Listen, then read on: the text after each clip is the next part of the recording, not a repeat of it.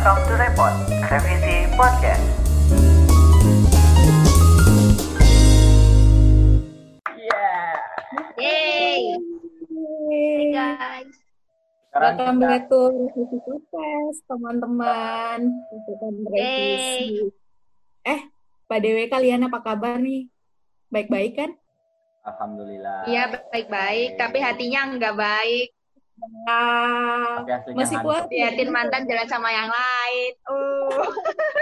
Emang si Jose ada mantan? Emang si Jose ada Oh mantan? enggak sih, itu itu aku lagi nyindir seorang gitu sebenarnya. Oke lanjut. Eh, si Alfa malam ini ke mana? Mus? Eh, Dan adalah ada sesuatu yang ada sesuatu yang sesuatu hal, sesuatu hal yang nggak bisa ditinggalkan. Iya, bisa halangan. ditinggalkan. Tapi bukan masa lalu guys. Um, Jadi di episode kali ini kita cuma bertiga, eh, tapi tetap nggak mengurangi kerecehan kita kok sebagai tim repot. Nah, eh, Yap. teman-teman masih ingat nggak sih episode sebelumnya kita bahas apa nih? Masih ingat nggak? Awal yang baru ya. Hmm, hmm. Mhm. Oh yang baru.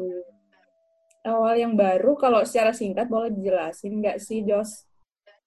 Ah, kalau memulai awal yang baru, kita kan sempat bahas gimana sih kita harusnya menyikapi sebuah awal yang baru dan tentunya kita kan pasti eh, mengalaminya gitu loh. Contohnya ini kita udah mau new normal nih, pasti kebiasaannya semua baru semua.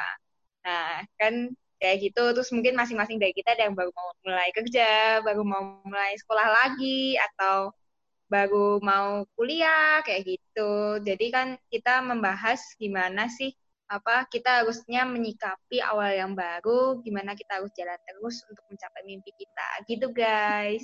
Hmm, kayak gitu ya.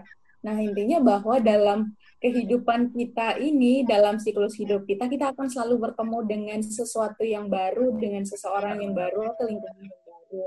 Nah, memasuki lingkungan, lingkaran, atau hubungan yang baru, tentu saja kita butuh yang namanya adaptasi atau penyesuaian diri. Nah, tepat sekali pada episode kali ini, kita akan bahas khusus soal adaptasi haruskah kita kehilangan jati diri?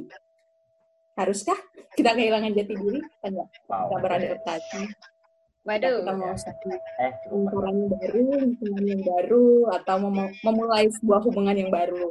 Nah, em, kita ini kebetulan yang jadi tim repot pasukan revisi sebagian besar adalah anak muda dan juga yang menjadi pendengar setia alias pasukan revisi adalah anak-anak muda.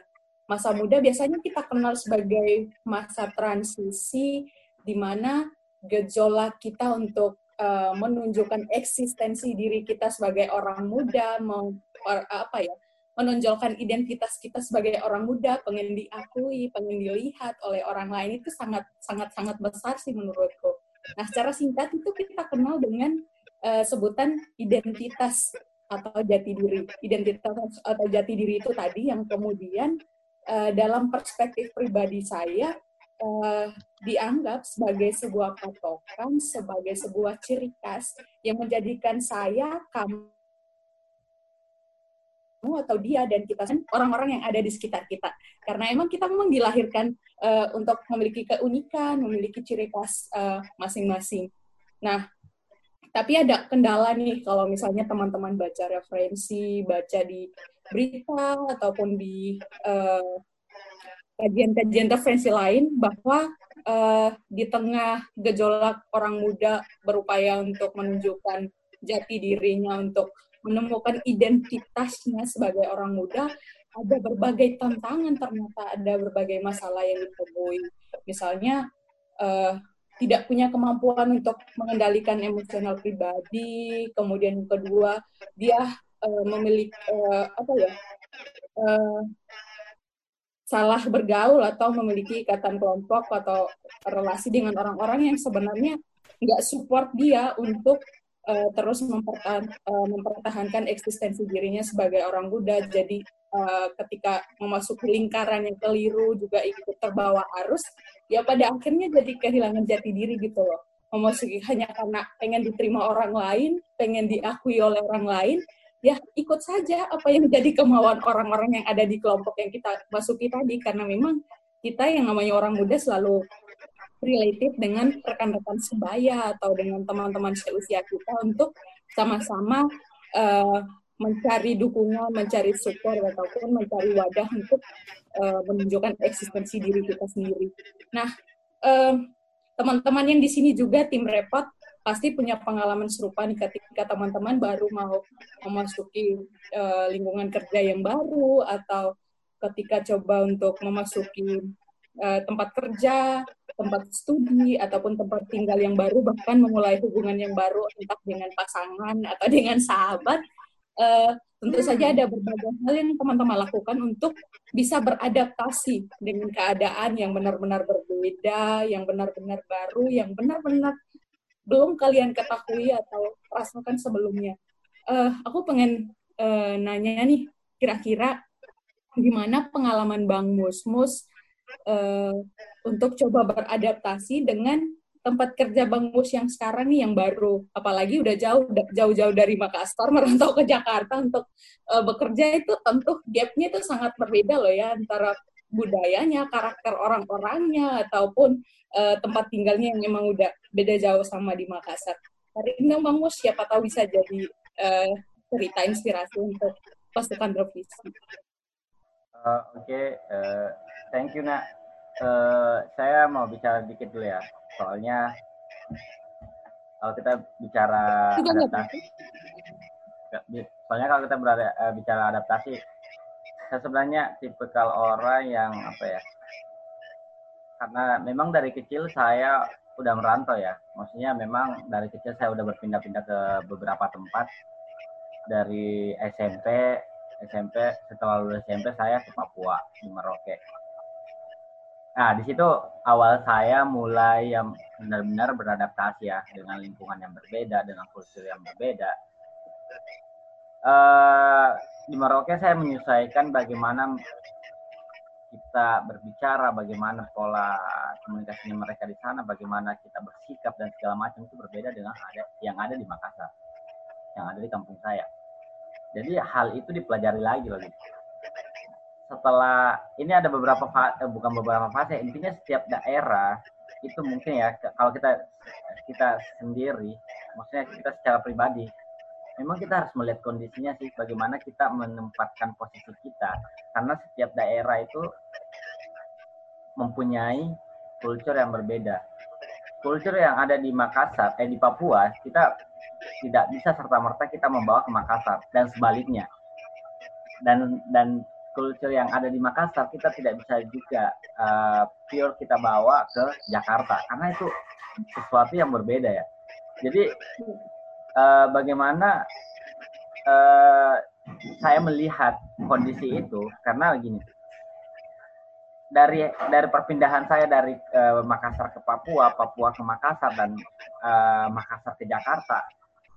Uh, cukup ini sih. Karena waktu saya perpindahan di, di dari Makassar ke Papua itu itu yang paling susah bagi saya sih bahasanya sih bahasanya karena saya biasanya waktu kecil ya dulu saya tidak terlalu tidak terlalu apa ya tidak terlalu suka ngomong. Tidak terlalu suka ngomong.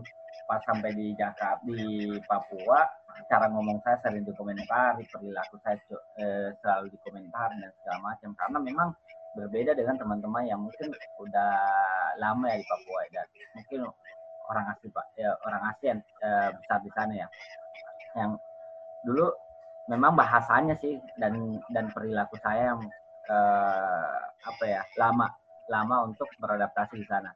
Setelah setelah dari Papua saya sudah beradaptasi selama empat tahun lima tahun lah kalau nggak salah.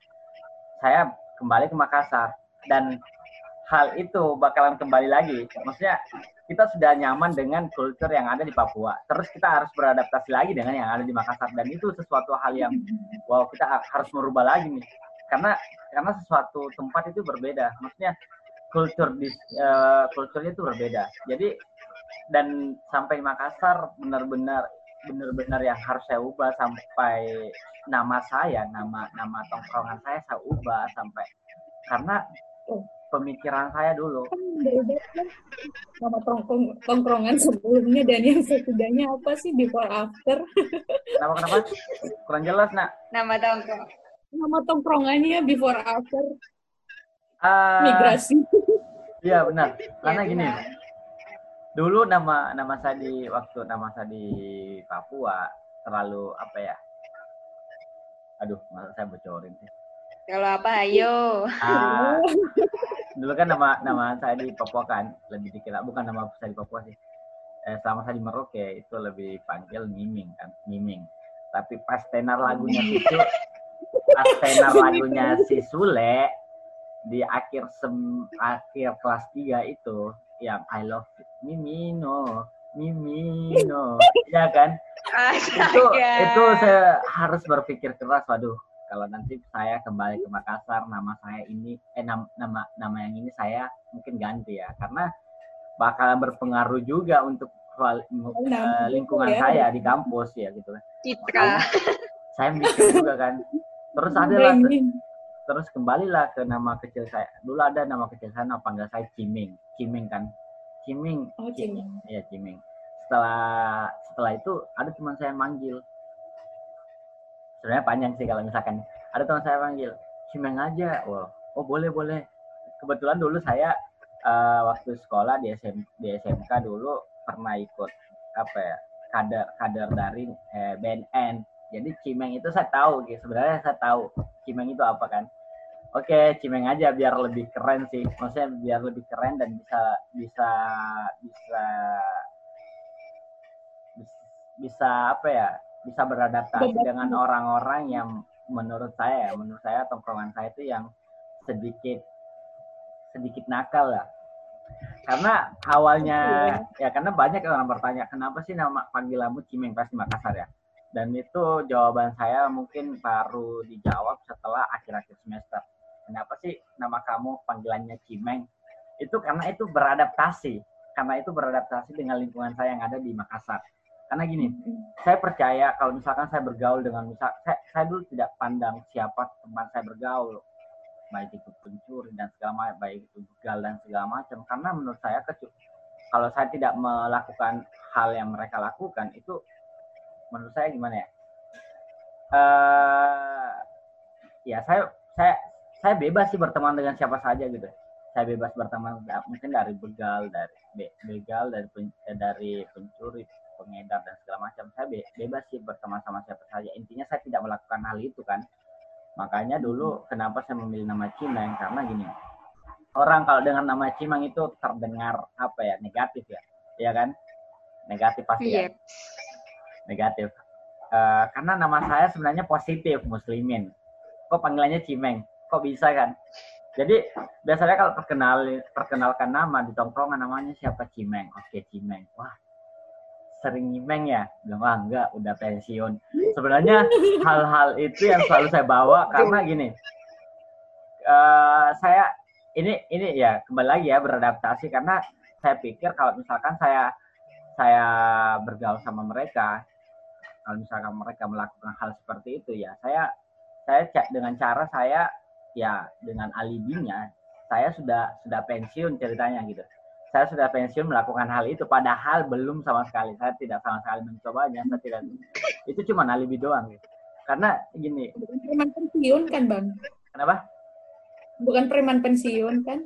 Ah, bukan, Nyimeng bukan, bukan. pensiun. bukan kamus eh bukan kamus Eh sampai ini sampai saya gini loh. Dulu dulu tuh kayak gini. Dulu ada ada ada pergantian nama sih kalau misalkan saya. Saya kan juga kenal beberapa orang tua teman saya teman dan bakal eh, lebih ak- eh, akrab juga sih Sa. lebih akrab juga sama beberapa orang tua teman saya kan. Jadi saya saya kalau ketemu sama teman saya bilang gini bro nanti kalau ketemu sama ma- ibumu atau bapakmu nanti panggil saya muslimin aja. Jangan cimeng karena kesannya itu karena nanti kesannya bakalan buruk gitu kan. Kalau cimeng Negatif. kalau iya kan negatif kan. Jadi dulu itu kalau misalkan ketemu sama teman atau biasa nginap di rumah teman oh panggil panggil saya mus muslimin aja kalau misalkan di rumahmu. Tapi kalau di tongkrongan panggil saya cimeng. Oke tapi eh, di akhir semester berapa ya? Di semester eh, semester 6 atau 8 saya saya bertekad nama Cimeng saya hilangkan karena dulu kayak eh apa ya mau merubah lah. Maksudnya karena saya eh, saya pikir kan saya pikir eh itu nama pemberian orang tua saya itu muslimin gitu kan. Tapi kembali lagi ternyata ada orang tua salah satu orang tua angkat saya di Makassar dia bilang gini, nama itu sebenarnya tidak berpengaruh untuk saya. Saya kenal kenal kamu namanya Cimeng. Ya kan? Maksudnya untuk kan dulu di Makassar di Makassar sama tempat tinggal saya kan lumayan jauh tuh karena beda kabupaten. Jadi dulu ada beberapa ibu angkat saya di Makassar gitu. Ada beberapa ibu saya eh, ibu saya ibu angkat saya di Makassar. Jadi dia bilang kayak gini nama itu nama namamu Cimeng tapi kelakuanmu nggak ada sama sekali negatifnya gitu kan. Jadi itu cuman iya ya dulu kan cuma kayak gitu. Maksudnya Jadi cuma bungkusnya doang. Ah, kenapa Cuma buat adaptasi. ya doang. jadi nama itu by daftar ya by daftar, tapi by daftar pustakanya.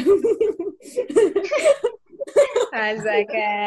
Bisa ya, bisa ya, bisa. Iya, jadi memang benar-benar ya. Maksudnya nama itu eh, membawa saya untuk cuma beradaptasi untuk kema- kap- eh, di- mana lingkungan saya bergaul. Tapi eh, intinya saya tidak melakukan itu, walaupun mungkin ya sampai saya di Jakarta saya ikut lomba dan ada salah satu teman dari UGM dia nanya gini, waduh berat banget ya nama kamu satu negatif satu positif. Waduh saya lah, iya benar. Itu langsung Bertolak itu belakang.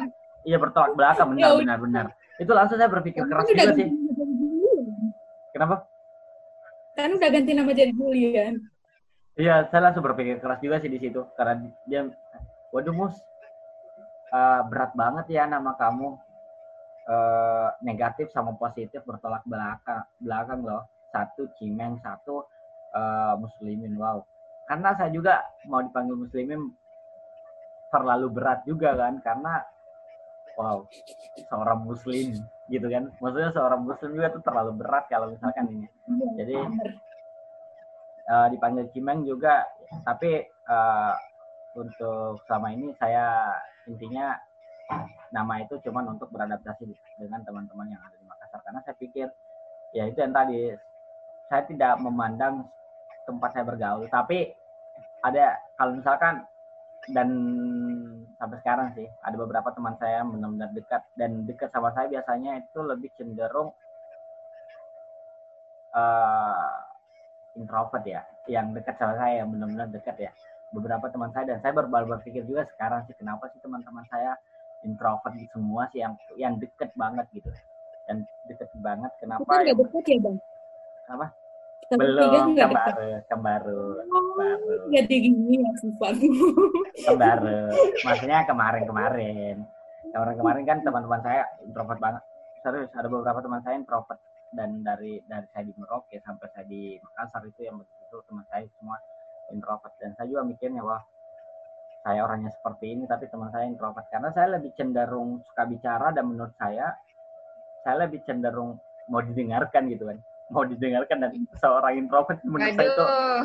seorang introvert yang lebih cenderung nggak banyak bicara tapi mendengarkannya lebih lebih apa ya lebih bagus sih dan memberikan solusi juga kan. Iya kan? Kalau misalkan introvert itu lebih lebih cenderung dia berpikir seperti itu makanya ada beberapa teman saya benar-benar kayak malas bicara tapi aksinya dan mungkin memberikan solusi biasanya untuk saya. Kalau misalkan saya benar-benar kayak down atau atau mungkin pusing dan segala macam untuk mengambil keputusan biasanya saya lebih cenderung eh ini sih eh, sharing dengan mereka. Tapi terkait dengan yang tadi da- dari beradaptasinya saya ya sampai hal nama pun itu menurut saya itu penting untuk menempatkan ini ya. Tapi jangan terlalu over juga Ja- jangan sampai nama kamu positif dan kamu eh negatif dan kamu juga ikut ikut eh, apa kelakuan namamu gitu ya Men- Eh, nah, itu cuma boleh potong bentar nggak? Eh, gimana sih proses adaptasi Bang Musmu sekarang, khususnya di tempat kerja yang baru, eh, selain soal nama tadi? Oke. Kalau sekarang sebenarnya lebih cenderung ini ya. Maksudnya saya pindah pun ke, dari Makassar ke Jakarta itu nama saya Cimeng itu. Sekarang bukan tidak bukan sudah tidak dipakai tapi di Jakarta yang mungkin saya sudah tidak gunakan di Jakarta karena orang tahu lah orang tahu Cimeng kayak gimana dan oke okay, dan lebih cenderung dipanggil mus-mus gitu. Oke okay, fine. Cimeng khusus yeah. Makassar Miming khusus Papua Merauke atau kampung saya. Oke okay, di Jakarta mus-mus atau kamus atau apa terserah lah. Intinya jangan dipanggil mas. Sebenarnya saya nggak nggak nggak mau dipanggil mas jujur ya. Gak enak banget. Mas mus. Pakai sama waktu ya? Hmm, nggak apa-apa. Iya. Eh jadi? kita kita udah denger. Nanti kita lanjut di sesi yang berikutnya soal hmm. bang mus gimana proses penyesuaian diri di Jakarta khususnya di tempat kerja yang baru jauh-jauh dari Merauke ke Makassar Makassar ke Jakarta ya lumayan juga perjalanannya tiga zona waktu dilalui. Kita masuk dulu nih mau nanya si Jose calon mahasiswi baru di kampus oh Indonesia, Universitas Indonesia, ngambilnya oh fakultas bucin ya, enggak budaya Cina ya? bukan, bukan. Fakultas budaya. BTW saya bisa masuk itu enggak? Eh, budaya Cina enggak? Enggak bisa, kamu kan Kenapa? kan Cimeng. Cimeng. Diskriminasi bisa sih. Bisa. Jangan rasis ya. Semua, semua nanya ke- banyak, banyak teman-temanku pun yang yang bukan dari Chinese pun juga banyak kok yang masuk dari eh, ke sastra Cina. Banyak banget yang juga kepingin belajar karena kan ya itu bahasa semua itu kan terbuka untuk semua Ya, orang gitu. benar itu universal loh alat komunikasi ini. Bahasa itu universal, bahasa itu mempersatukan salah satu fungsinya. Ah, ah, ngomong-ngomong nih Jos, boleh share share nggak sih pengalamanmu mungkin waktu sekolah? Eh, dulu kan kamu pernah sharing misalnya kamu dari SMP misalnya sekolahnya Kristen masuk di yayasan yang Kristen, kemudian SMA barulah masuk ke eh, yayasan sekolah yayasan yang Katolik ya. Eh, tentu saja Mm, bener banget. yang benar-benar berbeda culture-nya, berbeda warnanya sama orang-orang yang juga akan ber- bertolak belakang sama kebiasaan Beda banget. Mm-mm. rasanya gimana sih Jack boleh share nggak sih pengalaman kamu Oke.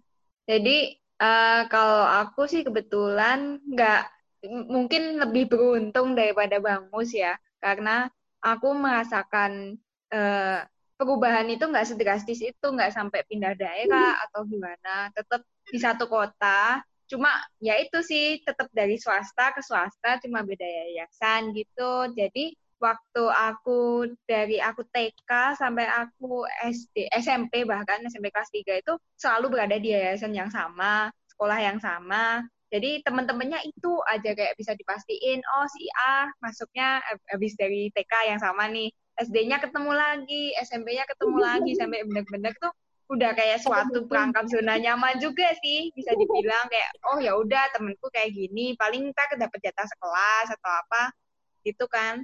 Kayak ya udah kenal uh, lingkungannya kayak gitu-gitu aja. Dan pastinya udah merasa nyaman kan dalam lingkaran itu.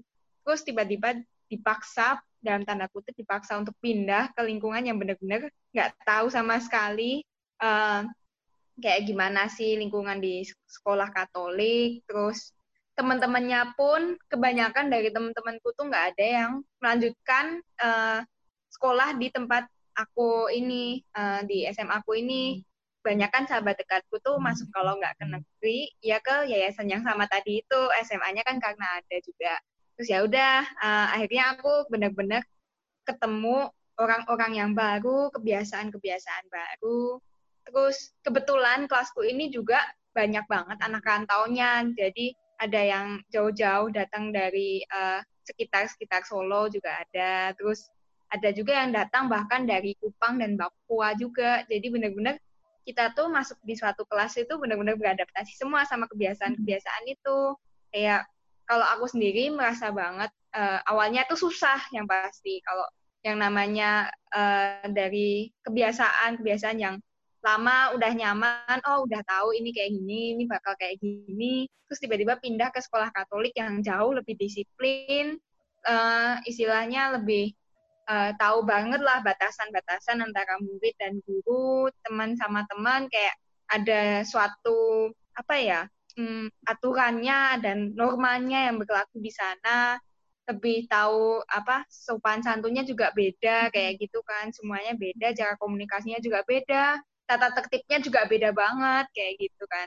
Terus bahkan cara berdoanya pun beda kayak yang apa biasanya pun aku tuh pernah kikuk gitu loh. Karena sekolah Kristen kan ya udah kalau doa ya udah mari kita berdoa terus ya udah nggak ada tanda salib atau apa. Terus tiba-tiba ke sekolah Katolik yang harus tanda salib terus tiba-tiba harus uh, ada doa Angelus, ada doa pulang dan benar-benar itu suatu kebiasaan yang benar-benar beda daripada sekolah Kristen di mana aku harus ngapalin dari awal kayak yang dari kagok terus ngapalin gimana uh, marsnya tuh panjang banget. Bahkan harus apal di ini awal-awal tahun ajaran baru kan. Ya udah kayak bener-bener apa ya susah sih sebenarnya. Aku tuh termasuk orang yang nggak mudah untuk beradaptasi di lingkungan yang baru aku tuh butuh waktu banget sebenarnya. Mm-hmm. karena ya udah uh, memang kayak aku kayaknya rame gitu ya apa banyak omong atau apa. Tapi sebenarnya tuh aku tuh sebenarnya kayak nutup banget uh, kayak karena udah terlalu nyaman sama perubahan makanya aku juga masih mikir-mikir banget kalau mau ketemu orang baru juga takut banget mau nyapa gimana. Terus ya itu dia banyak banget pikiran gitu sama Kenapa? kita nyaman gak? Sama kita nyaman gak sih? Iya nyaman, tapi takutnya ntar terlanjur sayang. Iya, Iya. Oke guys, kembali ke jalan yang benar.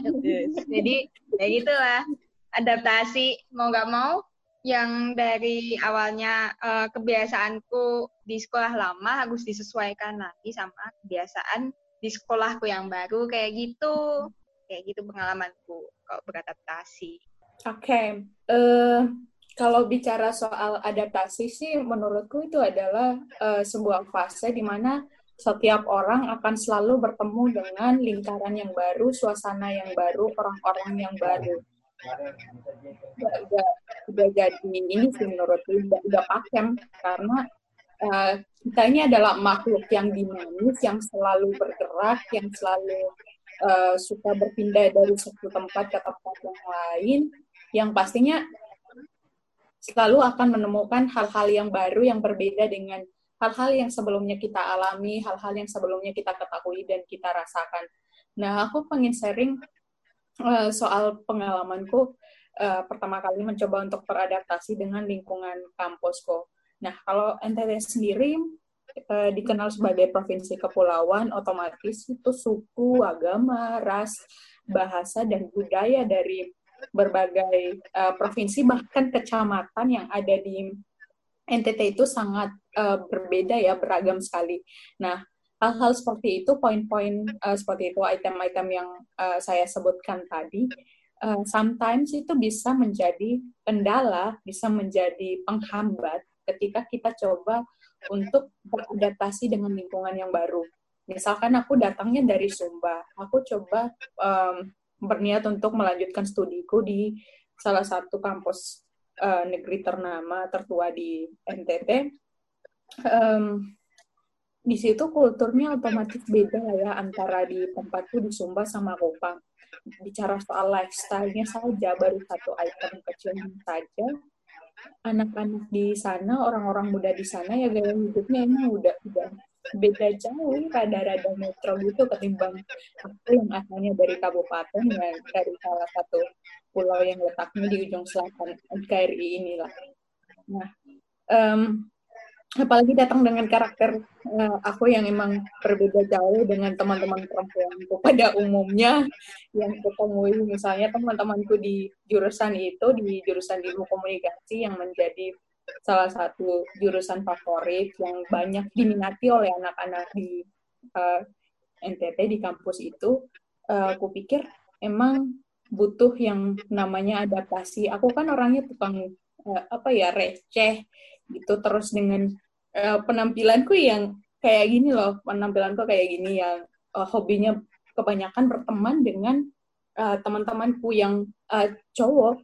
Tapi ketika aku masuk di lingkungan yang mana um, kelompok itu didominasi oleh teman-teman perempuan otomatis saya aku coba untuk uh, belajar beradaptasi gimana nih ketika aku coba akrab sama teman-teman uh, cowokku juga sama teman-teman cewekku jadi ya namanya juga perempuan setangguh apa pun kita dalam benak orang lain sampai kita tetap butuh uh, rekan sesama perempuan kita lah ya untuk sharing about something khususnya hal-hal yang uh, berkaitan tentang tentang perempuan.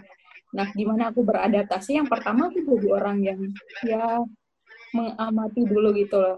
Termasuk uh, gimana aku cara mengamatinya, aku lihat dari uh, segi keaktifan mereka di kelas. Ada banyak anak-anak yang misalnya aktifnya di kelas tapi sifatnya angkuh. Ya otomatis sudah itu udah aku blacklist nggak cocok nih buat ku ajak jadi partnerku untuk bisa terus beradaptasi untuk terus saling belajar satu sama lain biar bisa survive di lingkungan yang baru. Ya aku biasanya duluannya lebih cepat akrabnya sama teman-teman yang pendiam, teman-teman cowok teman-teman yang pendiam tapi ini loh mereka punya kesamaan hobi dengan aku. Misalnya mereka hobinya membaca hobinya traveling hobinya ngopi. Ya kalau misalnya udah punya kesamaan kesamaan kayak gitu aku pikir udah, udah gampang nih di dunia mereka. Kalau misalnya awalnya kita baru punya satu teman seiring waktu berjalan lingkaran pertawanan kita akan semakin melebar semakin meluas. Kita ketemu orang yang punya hobi serupa ya itu makin makin seru lah ya masih uh, jadi peluang untuk kita beradaptasi dengan lebih baik lagi uh, dengan uh, lebih keren-keren lagi lebih lebih seru lagi lah menurutku. Intinya yang pertama observasi dulu cari orang-orang yang punya kesamaan dengan kita. Itulah yang akan membantu kita untuk beradaptasi. Misalnya kalau aku yang dulunya hobi hobi suka uh, waktu masih SMP SMA masih hobinya suka lari-lari sembarangan manjat pohon. Ya ketika aku udah jadi mahasiswa otomatis aku belajar kurangi kebiasaan kayak gitu karena levelnya udah beda. Ya Tuhan baik-baik banget sih. Adaptasinya emang mulai dari hal-hal yang sederhana lah ya. Akhirnya semakin tua kita semakin kompleks lingkaran yang kita masuki otomatis uh, tingkat uh, dan kemampuan kita untuk beradaptasi itu juga di apa ya uh, lebih ditingkatkan lagi. Sehingga kita jangan jangan jadi orang yang kudet dan kemudian nggak nggak tahu malu gitu loh. Tahu malu tapi intinya tetap tahu diri tahu siapa saya bagaimana saya dan karakter saya. Ya sekilas gitulah ya cerita ke bagaimana coba beradaptasi dengan lingkungan yang baru khususnya di kampus Oh iya, um, kita lanjut ke segmen sesi yang berikut soal uh, kebanyakan nih kan kita yeah. di masa muda di usia yang uh, disebut sebagai masa transisi ini kita selalu ada keinginan untuk uh, menonjolkan siapa kita untuk kebolehan untuk memperlihatkan eksistensi diri kita sebagai orang muda. Ya pengen dilihat pengen diakui pengen dipuja-puji kayak gitu. Pengen diterima oleh orang lain. Apalagi masuk di lingkaran yang baru itu loh lingkungan yang baru. Entah itu kampus tempat kerja ataupun tempat tinggal yang baru.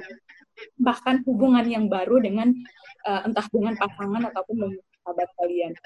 Um, kendalanya ada beberapa orang yang kemudian um, jadi kehilangan jati diri mereka, jadi uh, kehilangan uh, identitas mereka, uh, kehilangan ciri khas mereka, mengikuti apa yang menjadi trending di kelompoknya, apa yang menjadi uh, ciri khas sebagian besar orang yang dianggap berpengaruh di kelompoknya, hanya dengan pertimbangan supaya mereka diterima di kelompok itu.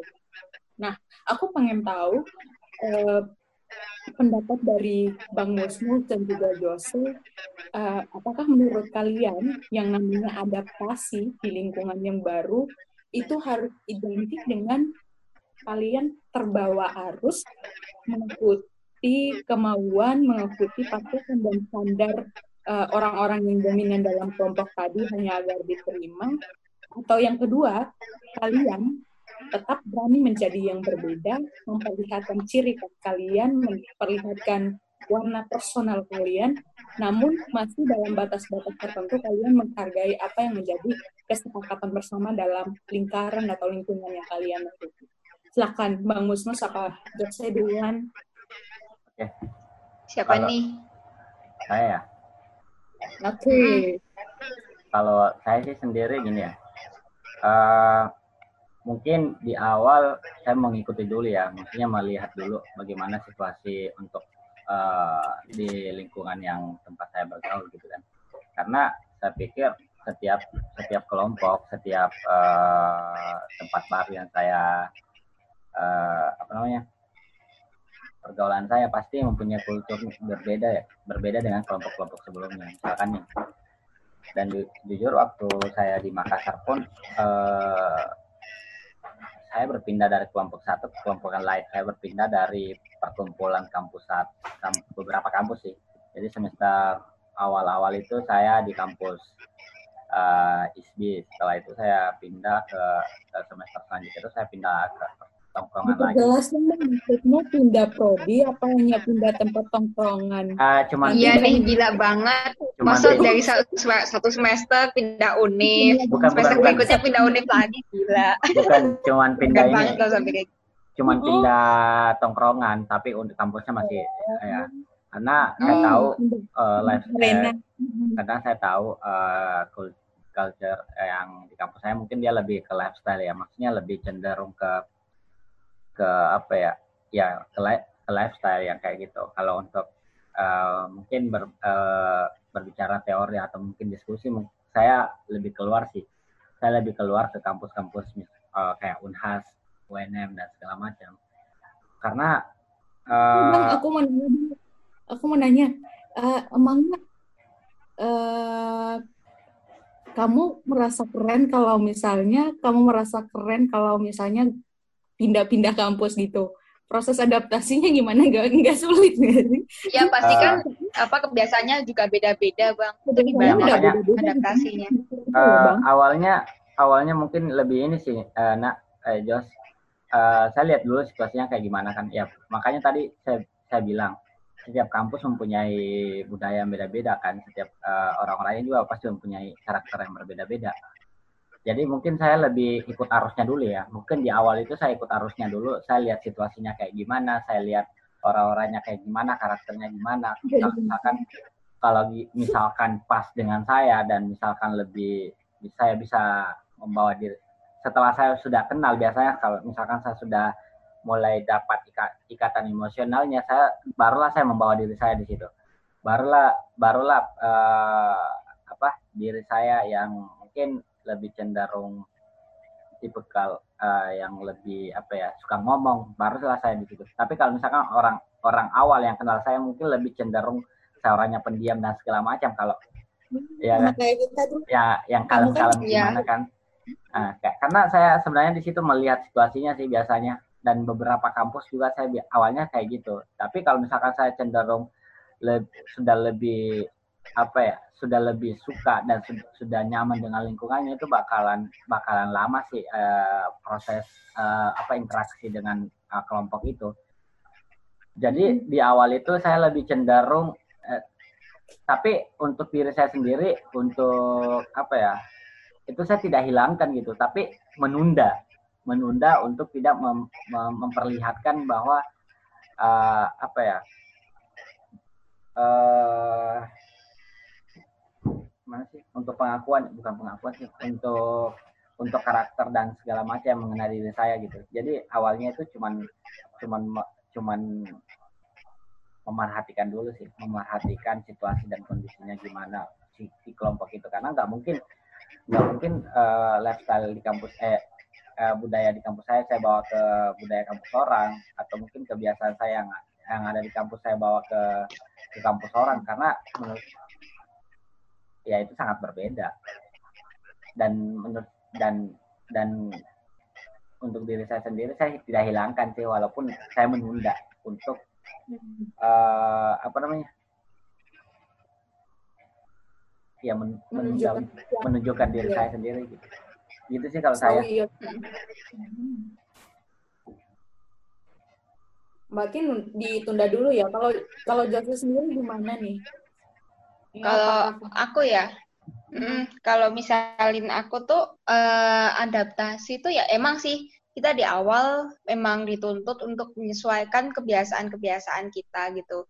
Contohnya ya misalin di kebiasaan yang istilahnya di kebiasaan kita di tempat lama uh, kita cenderung santai orangnya karena tuntutannya juga lebih santai gitu. Tapi kalau ketika kita pindah ke tempat baru dan ke kemudian di tempat baru itu kita dituntut untuk lebih disiplin sama waktu, untuk ya jadwalnya lebih padat ya mau nggak mau kita harus merubah kebiasaan kita itu tadi yang awalnya santai-santai terus kita mengubahnya menjadi kebiasaan yang isiannya lebih disiplin sama waktu, lebih bisa mengatur manajemen waktunya kayak gitu. Hmm. Tapi uh, mengubah uh, istilahnya menyesuaikan diri, adaptasi itu kan menyesuaikan diri.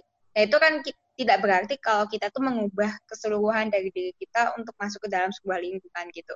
Jadi ya. kalau menurutku ya beberapa prinsip yang baik, kebiasaan-kebiasaan baik yang emang kita udah punya bekal kita, ya itu nggak apa-apa sih kita pertahanin gitu. Karena ya lagi-lagi kebiasaan positif itu um, menurutku asal di waktu yang tepat di mana pun pasti bisa diterapkan kok. Asal itu nggak melanggar norma yang ada di situ.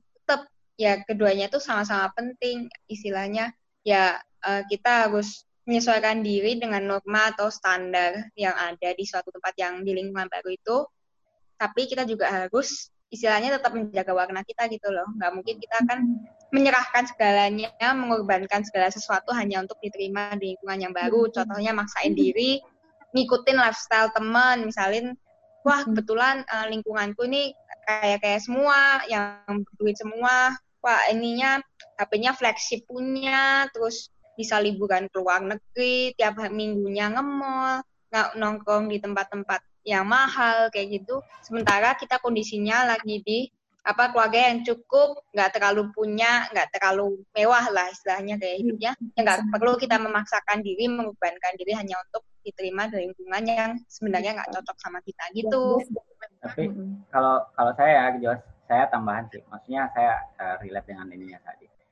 Uh, karena saya ini pengalaman saya sih, saya malah cenderung kayak gini, Jos. Uh, saya bukan ngikutin sih, mungkin uh, bagaimana saya melihat uh, bagaimana saya membangun emosional sih. Jadi biasanya kalau misalnya kayak kemarin nih, ada beberapa tempat yang memang mengharuskan kita ngumpul di untuk berdiskusi itu ngumpul di kafe dan segala macam dan dan itu menurut saya tuh di tongkrongan saya sebelumnya itu kayak jauh banget gitu kan dan ya hmm. uh, dan itu pun biasanya saya mikir juga kalau misalkan setiap hari saya ngopi gini kan ngopi dan segala macam ngeluarin uang dan segala macam itu bakalan hmm. banyak banget kan jadi biasanya saya kerja untuk itu karena menurut saya orang-orang yang saya temui juga bukan orang-orang biasa gitu kan dan ini ya karena memang saya kemarin tuh bukan bukan kepentingan sih dan menurut saya uh, ada feedback untuk saya juga kalau misalkan saya ngumpul di sana gitu ada ada yang saya dapatkan dan perkumpulan saya di sana juga tidak tidak serta merta kosong gitu. Jadi ya mungkin saya ngikutin dulu di awal ya Jos. Kalau saya secara pribadi ya, tapi tidak serta merta ngikut arusnya sampai sampai mungkin bela-belain juga pak uh, ikut stylenya dan segala macam. Tapi kalau misalkan untuk kayak untuk nongkrong dan segala macam, saya biasanya lebih cenderung memaksa saya karena menurut saya itu experience eh, pengalaman sih untuk berdiskusi dengan mereka yang menurut saya orang-orang hebat di kampusnya mereka masing-masing gitu. Mm-hmm. Mm-hmm. Jadi kalau saya kayak gitu sih uh, ini tambahan yang tadi ya. Karena karena saya rasa juga sih karena orang, orang karena ada banyak banyak komentar dari teman-teman sih wah tiap hari kamu di kafe terus ya tiap hari kamu ini ya ya kan tiap hari juga saya uang saya juga kan dan menurut saya ini penting juga buat saya karena saya berpikir kayak gini. Saya berpikir kayak gini sih karena yang saya saya pikirkan itu relasi sih karena menurut saya ya mungkin sekarang sekarang belum belum terlalu belum terlalu kelihatan apakah mereka bakalan berdampak untuk saya sekarang tapi saya yakin karena saya percaya sih karena bisa jadi ke depannya ke depannya mungkin saya bisa berkolaborasi dengan dia mungkin bisa be, beker, eh, apa ya namanya bisa membantu saya dan sebaliknya gitu kan. Makanya saya saya makanya saya rela hmm, makanya saya saya ke kampus-kampus itu makanya saya ke beberapa kampus itu saya sebenarnya membangun relasi sih sebenarnya. Tujuan tujuan utama saya membangun relasi. Jadi uh, nggak ada niat nyala enggak lah tapi kalau misalkan membangun hubungan membangun. hubungan asmaka nyari jodoh. Ah itu sempat, itu sempat tapi enggak, ternyata enggak ada. Enggak ada.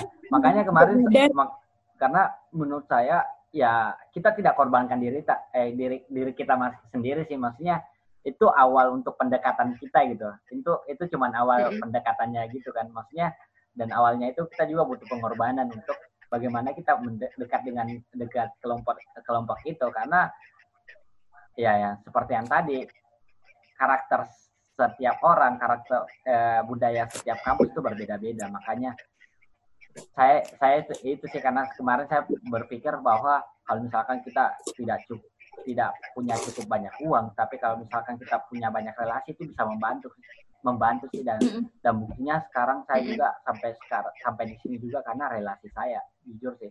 Relasi yang benar-benar relasi yang ini sih yang bantu saya juga sampai di sini. Itu sih kalau dari saya tambahannya tadi ya.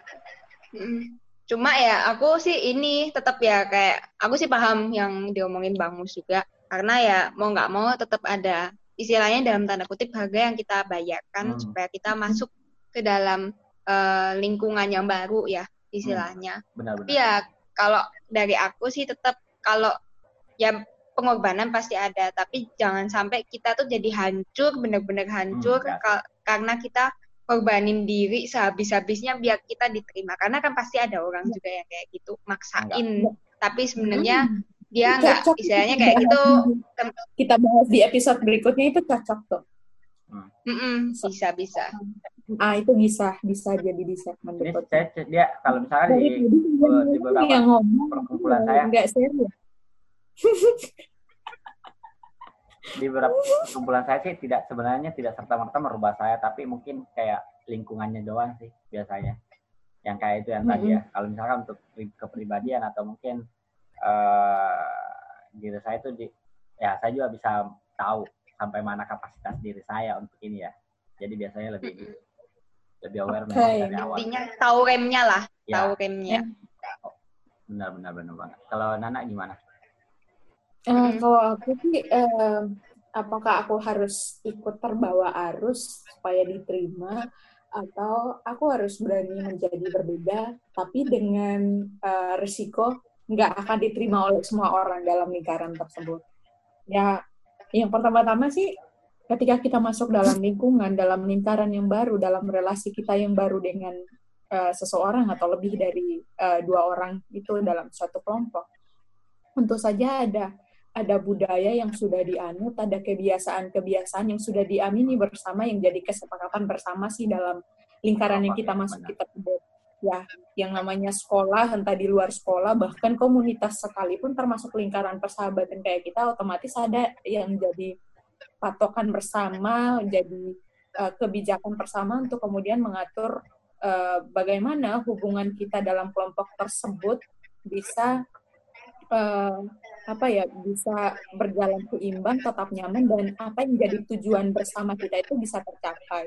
Nah kalau misalnya kayak di kampus itu kan yang namanya mahasiswa ilmu komunikasi ya dituntut lo harus kalau misalnya ketika kita bicara soal dasar-dasar PR atau soal jurnalistik eh, televisi atau jurnalistik siaran. Jadi kalau misalnya ketika aku diminta belajar soal jurnalistik siaran, aku yang hobinya teriak-teriak nggak mungkin lah ya ketika aku siaran buat paket siaran, aku harus teriak-teriak hobinya suaranya lancar.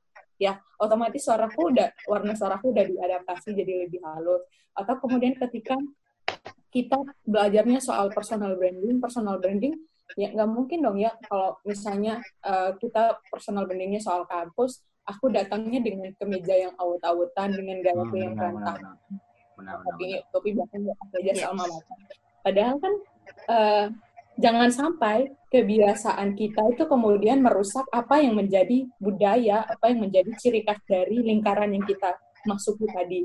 Nah, selagi kebijakan, selagi regulasi, selagi aturan yang diberlakukan dalam kelompok tadi, itu orientasinya adalah untuk kebaikan bersama, otomatis aku akan ikuti itu.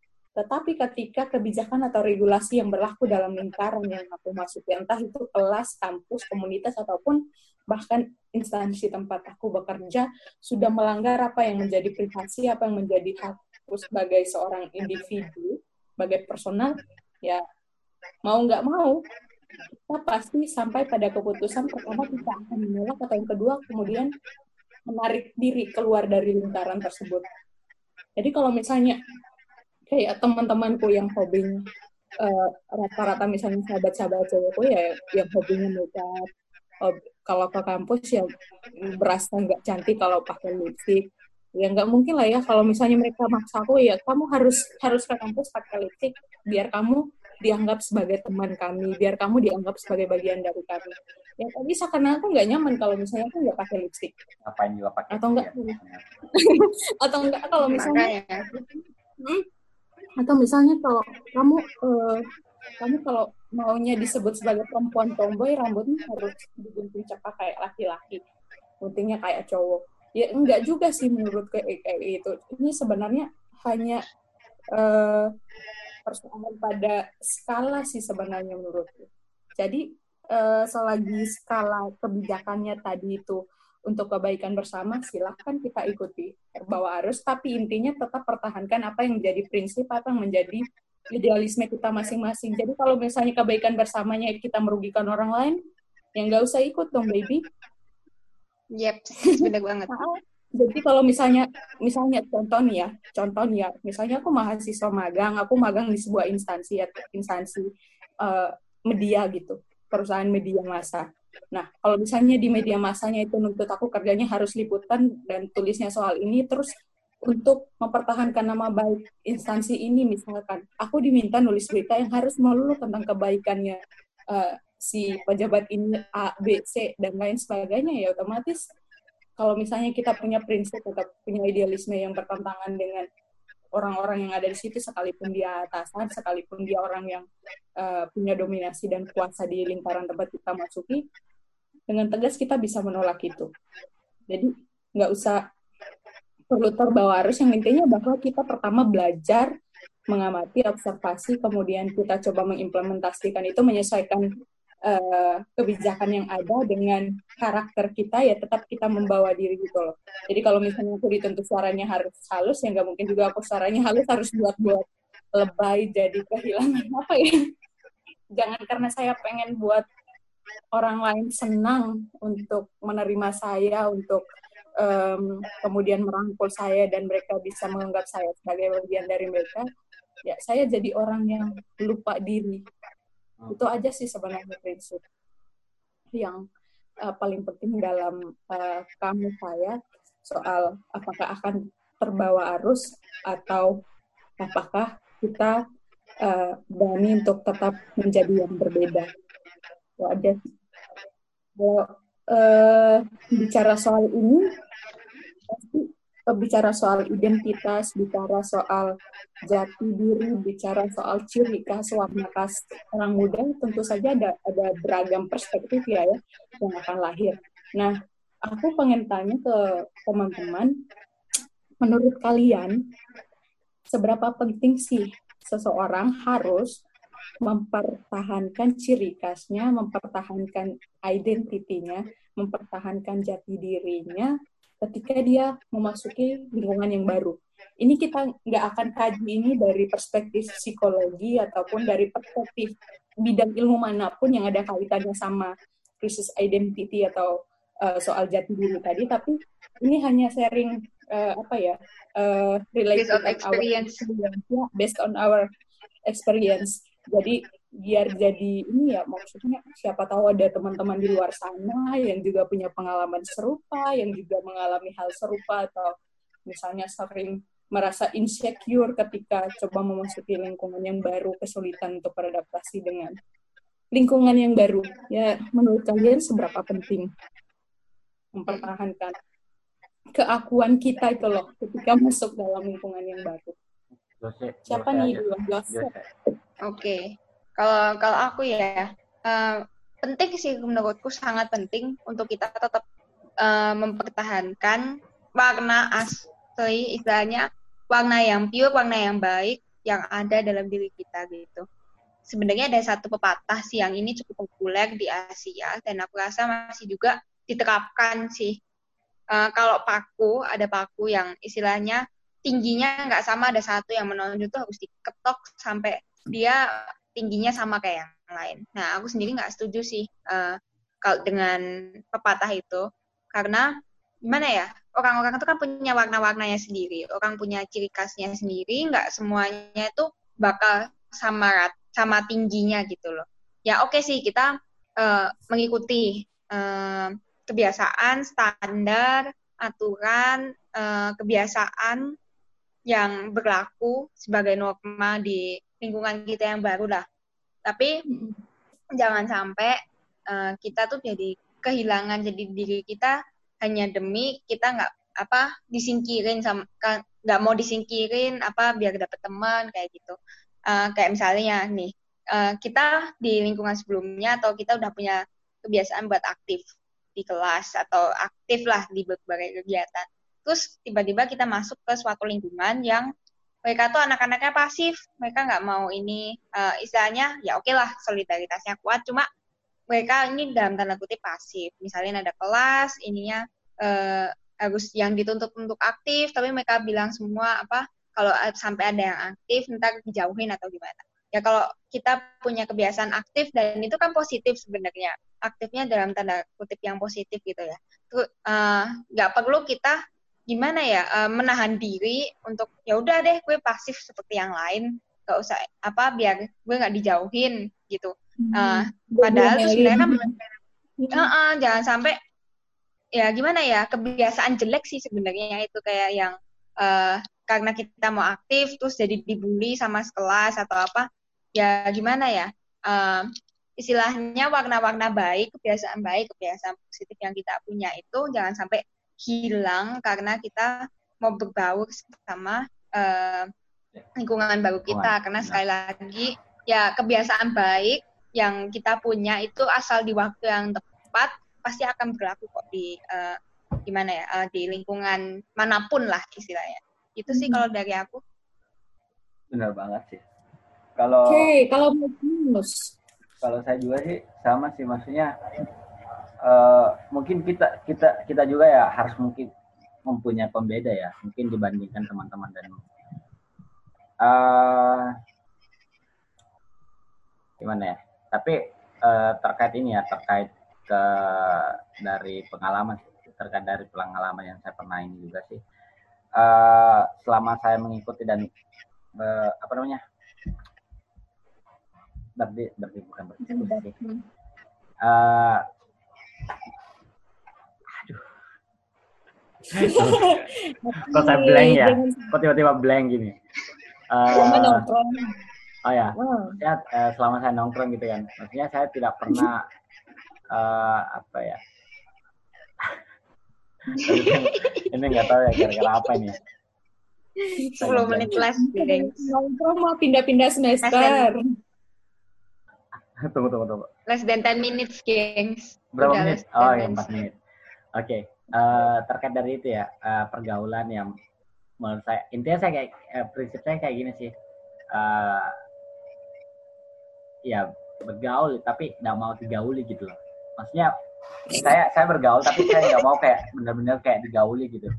Jadi ya nggak apa-apa gitu. Uh, saya saya gabung dengan mereka tapi ia tidak serta merta bisa merubah saya walaupun hmm. walaupun itu walaupun ya mungkin uh, ada syarat tertentu kalau misalkan kita mau masuk di lingkungan itu dan hal itu harus berubah ya. Mungkin saya kalau misalkan kelompok-kelompok seperti ya pasti saya tinggalkan kalau misalkan seperti itu.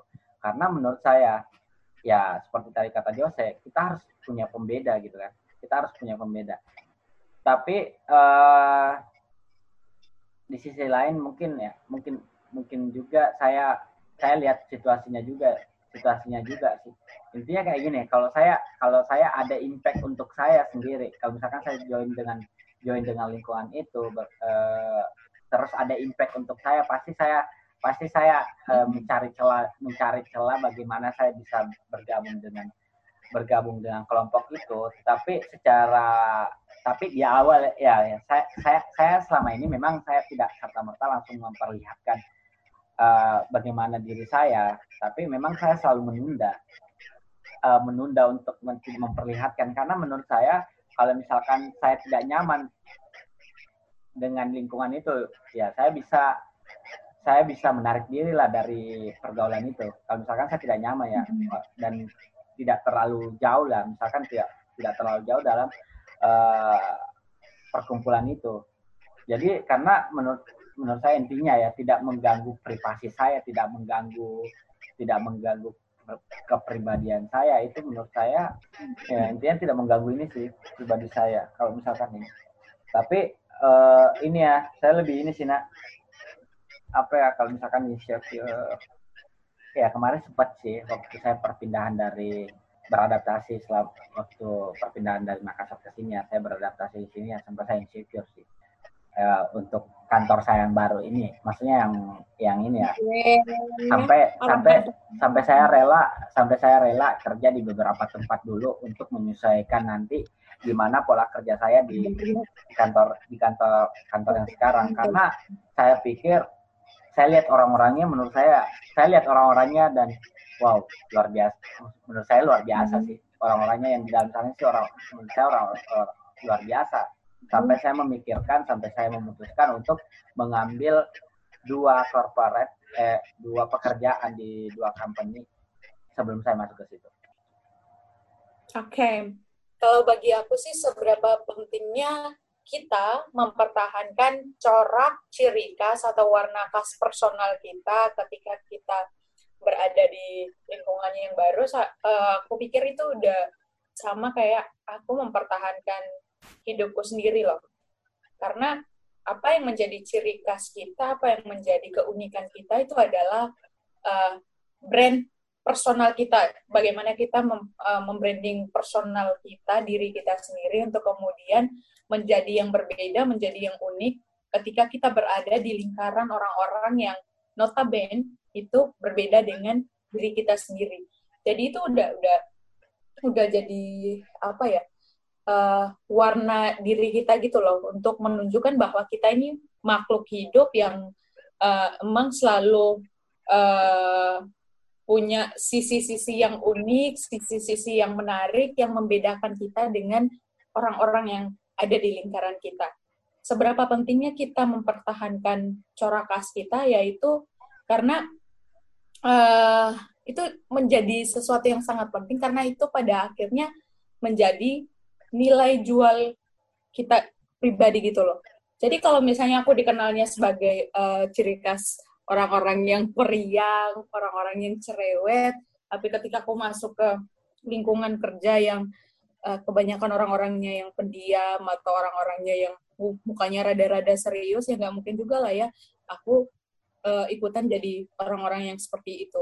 Jadi itu yang uh, sebenarnya identity kita, identitas kita, warna khas corak kita itu yang uh, memberikan kita tanda, memberikan uh, penjelasan dan penegasan kepada orang lain di luar kita yang ada di lingkaran kita bahwa sebenarnya kita itu udah diciptakan dengan um, keberagaman yang memang Eh, keunikan-keunikan kita itu belum tentu dimiliki oleh orang lain. Misalnya kan kalau kalau aku hobinya uh, ke kampus atau ke tempat kerja aku pakainya backpack terus pakainya sepatu cats koleksinya jam tangan kayak gini hobinya pakai uh, topi kayak gini pakai snapback atau enggak aku hobinya minum kopi hitam nggak mungkin ketika aku masuk ke lingkungan yang baru aku lantas menghilangkan kebiasaan-kebiasaan kayak gitu kebiasaan-kebiasaan menarik yang uh, membuat aku merasa lebih enjoy, merasa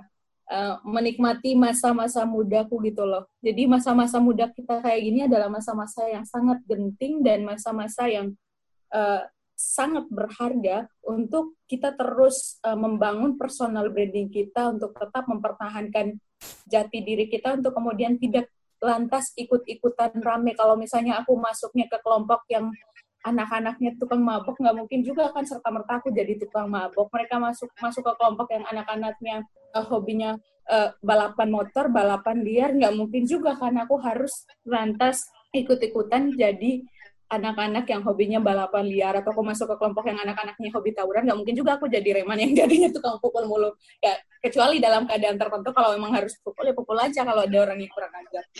Jadi tetap ya jiwa baku hantamnya memang mendagang iya, daging ya.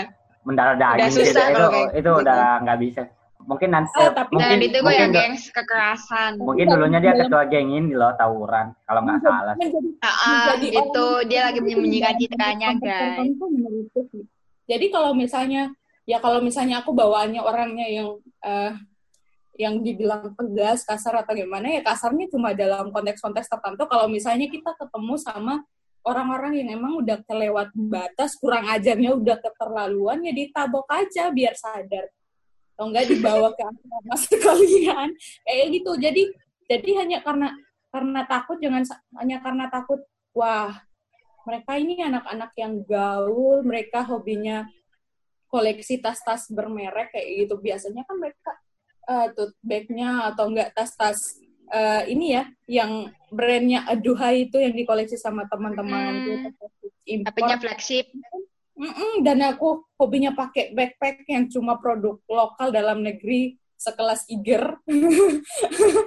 itu yang yang nggak mungkin lah ya aku langsung serta merta ya. Ah aku ikut mereka lah ya koleksi tas-tas kayak gini atau koleksi jam tangan kayak gini. Kalau aku udah nyaman dengan Persiku sendiri ya itu. Jadi inti dari seberapa pentingnya mempertahankan ciri khas yang pertama bahwa ketika kita sudah bahagia ketika kita sudah nyaman sudah senang dan kita mencintai diri kita selesai dengan diri kita sendiri maka otomatis ketika kita masuk dengan lingkungan yang baru lingkaran yang baru ya kita nggak akan peduli lagi dengan yang namanya penilaian orang selagi kita masih bekerja dalam rule dalam uh, prinsip dalam uh, sesuai dengan porsi dan peran kita masing-masing yang masih sesuai dengan kaidah norma dan aturan bersama di situ nggak masalah jadi orang yang berbeda. Karena jadi jadi orang berbeda itu adalah orang-orang hebat doang yang bisa sih yang masih tetap bertahan dengan siapa dia bagaimana dia.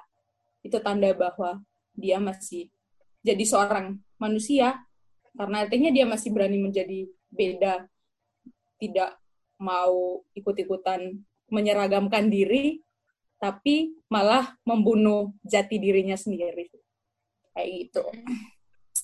Eh by the way kita udah ngomong sekian menit nih soal uh, apakah adaptasi kita harus serta merta kehilangan jati diri atau enggak.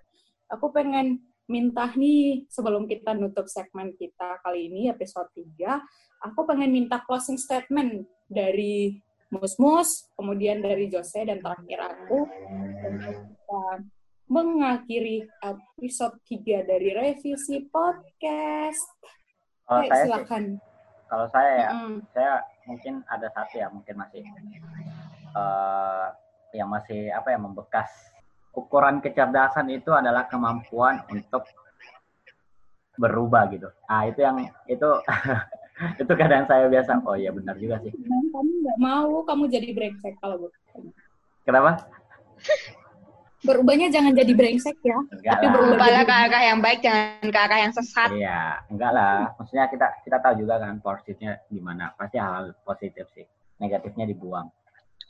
Kayak tadi sih si Nana bilang, apakah kalau misalnya kita uh, join atau kita bergabung di lingkungan karena selama ini juga saya uh, bergabung juga di lingkungan yang kayak brengsek brengsek gitu eh brengsek sih uh, apa namanya bergabung dengan lingkungan yang kayak pemabuk club uh, begal begal begal dan segala macam lah. Tapi kalau misalkan uh, saya juga intinya saya tidak tidak melakukan itu. Karena saya prinsip saya saya mau bergaul sama mereka bukan untuk mengikuti apa yang bukan mengikuti mereka ya, ya. bukan mengikuti perilaku mereka tapi cuman me menyambung menyambung silaturahmi untuk kepada mereka gitu aja sih kalau saya intinya berbuat baik, berbuat baik kepada mereka ya mungkin sebaliknya.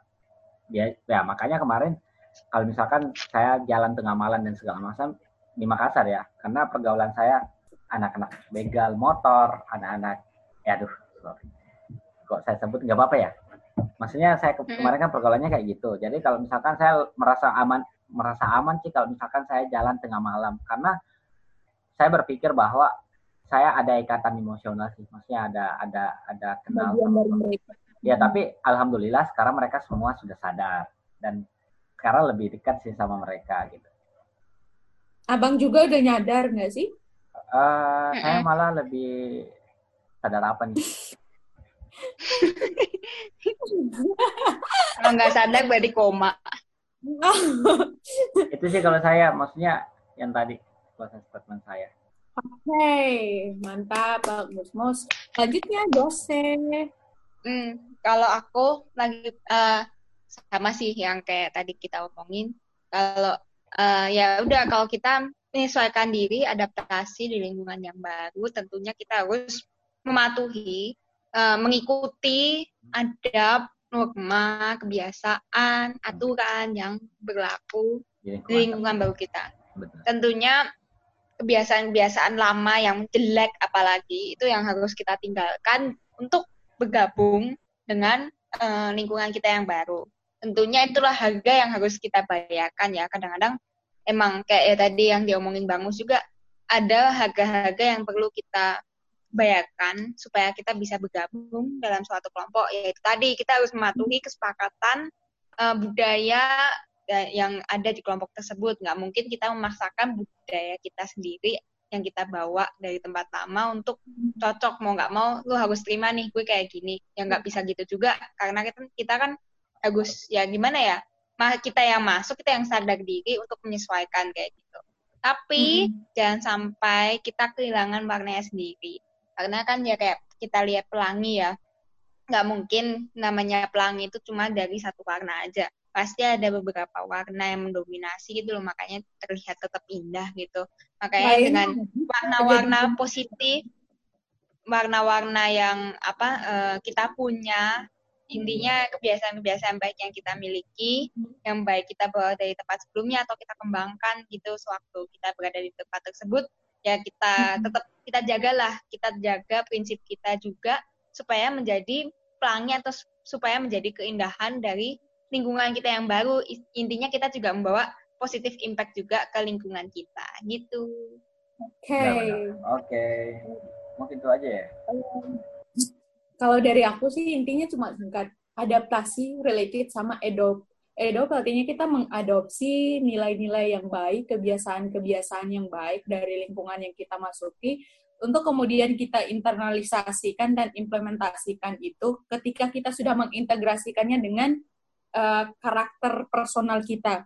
Jadi nggak usah ngaku kamu keren kalau misalnya kerjaanmu cuma ngikut-ngikutan doang, tapi nggak berani jadi dirimu sendiri gitu loh. Kamu terlalu berani yeah. untuk mengikuti kebiasaan banyak orang, meniru kebiasaan banyak orang, tetapi kamu terlalu pengecut untuk jadi diri sendiri. Nggak laku, baby. Udah nggak laku. Mendingan coba yang lebih menantang, jadi diri sendiri. Itu lebih keren. Oke, okay. Uh, Oke, okay, di penghujung Yay. kali ini di penghujung episode ketiga ya. yes. Soal adaptasi di lingkungan yang baru. Uh, kita Gimana berharap pendapat kalian, gengs? semoga sesi sharing kita pada episode kali ini bisa bermanfaat buat pasukan revisi atau kalau ada yang punya uh, pengalaman serupa, punya cerita-cerita menarik soal itu, bisa komen di platform sosial media kita, entah di YouTube atau di Instagram kita, Televisi Podcast, atau mau kasih masukan juga buat uh, tim repot alias Revisi Podcast mm. dengan uh, DM aja langsung. Bebas kalian DM, mau kontak personal ya atau DM ke at revisi podcast di Instagram ya guys. kita pasti akan tampung pesan-pesan cinta dari kalian. Ya kita akan hadir di episode berikut lagi dengan topik yang tak kalah menarik tentunya lebih menarik ya.